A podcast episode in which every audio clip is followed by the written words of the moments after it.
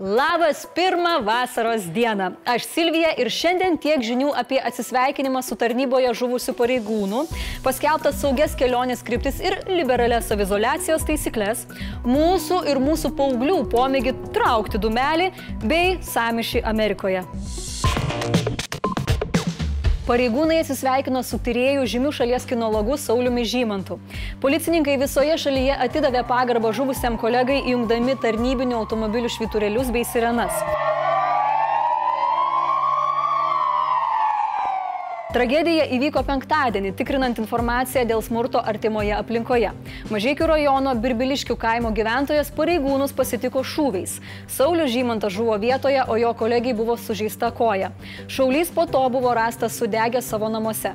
Šiandien paaiškėjo, kad abu vyrai vienas kitą pažinojo. Nepatvirtintais duomenimis žuvęs pareigūnas buvo be apsauginės liemenės, nors anot generalinio komisaro Renato Požėlos liemenę jis turėjo.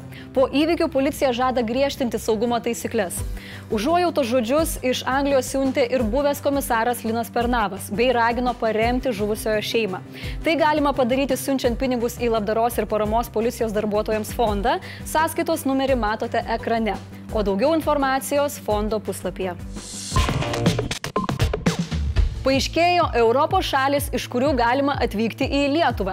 Dvi savaitės savizoliuotis reikės sugrįžus tik iš šių šalių, o šių valstybių piliečiai į Lietuvą dar kol kas nebus įleidžiami. Kaip skelbta anksčiau, galit ir pasiskaičiuoti, ar reiks savizoliuotis ar ne.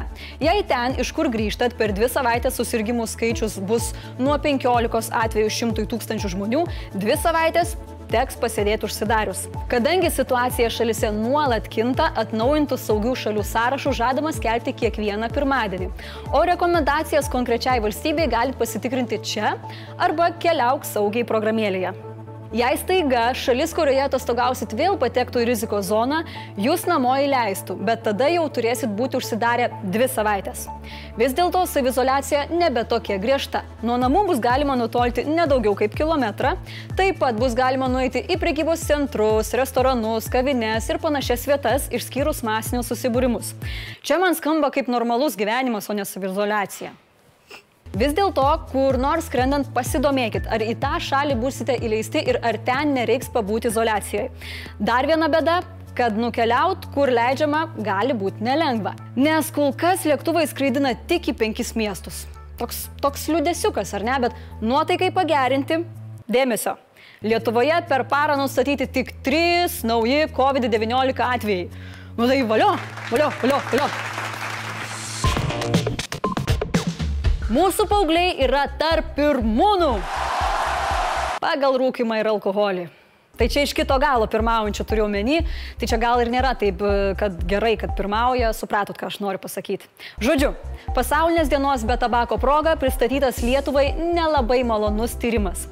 Pasaulio sveikatos organizacija suskaičiavo, kad kas trečias apklaustas 15 metis neblaivus jau yra buvęs bent du kartus. Pagal šį rodiklį mes esam trečioj vietoj, o bent kartą per mėnesį rūkia beveik trečdalis mergaičių ir berniukų.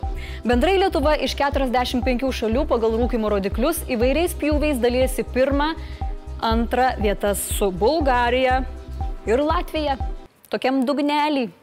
Specialistus itin neramina populiarėjančios elektroninės cigaretės legendos apie elektroninės cigaretes, apie jų mažesnę žalą ar sveikesnę alternatyvą sklando, tai yra faktas, bet dėja tyrimų dėl elektroninių cigarečių poveikio sveikatai vis dabar trūksta. O kur dar didelis skonių rūkalų pasirinkimas mūsų rinkoje? Daugiau kaip 15 tūkstančių elektroninių cigarečių įvairių skyščių skonių, skaitant cukraus vatos, guminukų, kuriuos beje mėgsta vaikai. Tai gal jaunimo rūkimo problemas išspręstų silkės, kokios šaltienos ir namų darbų skonio elektroninės cigaretės? Hmm? Pykčio banga užliejo Junktinės valstijas. Protestuotojai susirėmė su policija, degino mašinas, kelio ženklus, daužė parduotuvių langus. Pareigūnai juos pasitiko ašarinėmis dujomis ir gyvomis grandinėmis. From New York to Seattle, Miami to Los Angeles, DC to Chicago. Another restless night in America. Šešias paras netylančios riaušės ją prasidėjo po to, kai policijos pareigūnas uždusino juodaodį Minneapolio gyventoją, keliu prispaudęs jį prie žemės. Vyras sulaikė, kai jis bandė atsiskaityti neva suklastotų 20 dolerių banknotų. Ekipažas tvirtino, kad vyras priešinosi sulaikymui, bet filmuota medžiaga tai paneigė. Įtarimai dėl pinigų klastojimo irgi nebuvo patvirtinti. Audringi prieš rasizmą nukreipti protestai prie Baltųjų rūmų privertė Donaldą Donaldą Trumpą savaitgalį pradėti požeminėje slėptuvėje. Prezidentas taip pat pagrasino kovai pajungti ir kariuomenę, o jo oponentas Joe Bidenas tokius Trumpo tvytus griežtai kritikavo. We need real leadership right now. Leadership that will bring everyone to the table so we can take measures to root out systemic racism. Prasižengęs pareigūnas buvo atleistas ir apkaltintas žmogžudystė. Tačiau visuomenė nėra patenkinta ir siekia visų sulaikymę dalyvavusių pareigūnų atsakomybės. Blitz naujienos. Šiaulių apygardos teismas ėmėsi šnipinėjimų Rusijos naudai kaltinamo ekspolitiko Algirdo Paleckio bylos. Nuspręsta, kad liudyti bus atvežtas dėl sausio 13-osios įvykių kalėti nuteistas Jurijus Melis, nes šis figuruoja viename iš Paleckio kaltinimo epizodų. Įrodyta, kad sausio 13-ąją Melis po Lietuvą važinėjo tankų. Na, o dabar jau surakintas konvojaus automobilyje. STT toliau intensyviai krečia įstaigas. Šį kartą apsilankė žuvininkystės tarnyboje. Gauta informacija, kad ten galbūt suklastoti žuvų apskaitos dokumentai. Na, greičiausiai nedaug informacijos jie iš ten išgaus, nes žuvis tylės. Na, nes yra žuvis.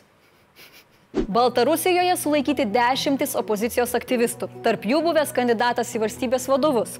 Sulaikytieji dalyvavo politiniuose piketuose. Baltarusijoje smarkiai išaugo įtampa, kai autoritarinė valdžia paskelbė, jog prezidento rinkimai įvyks rūpiučio pradžioje.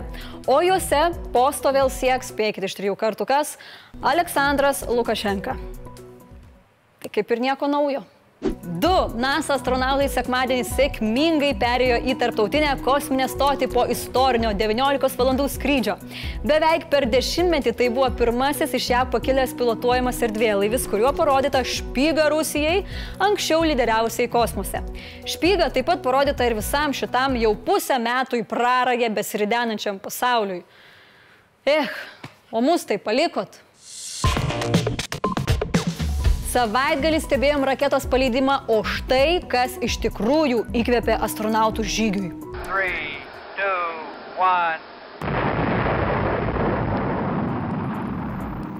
Primenu, kad raketos greičiau galite skirti ir savo pajamų mokesčio dalį Laisvės televizijai. Esam dėkingi iki kosmoso ir atgal. Tiek žinių.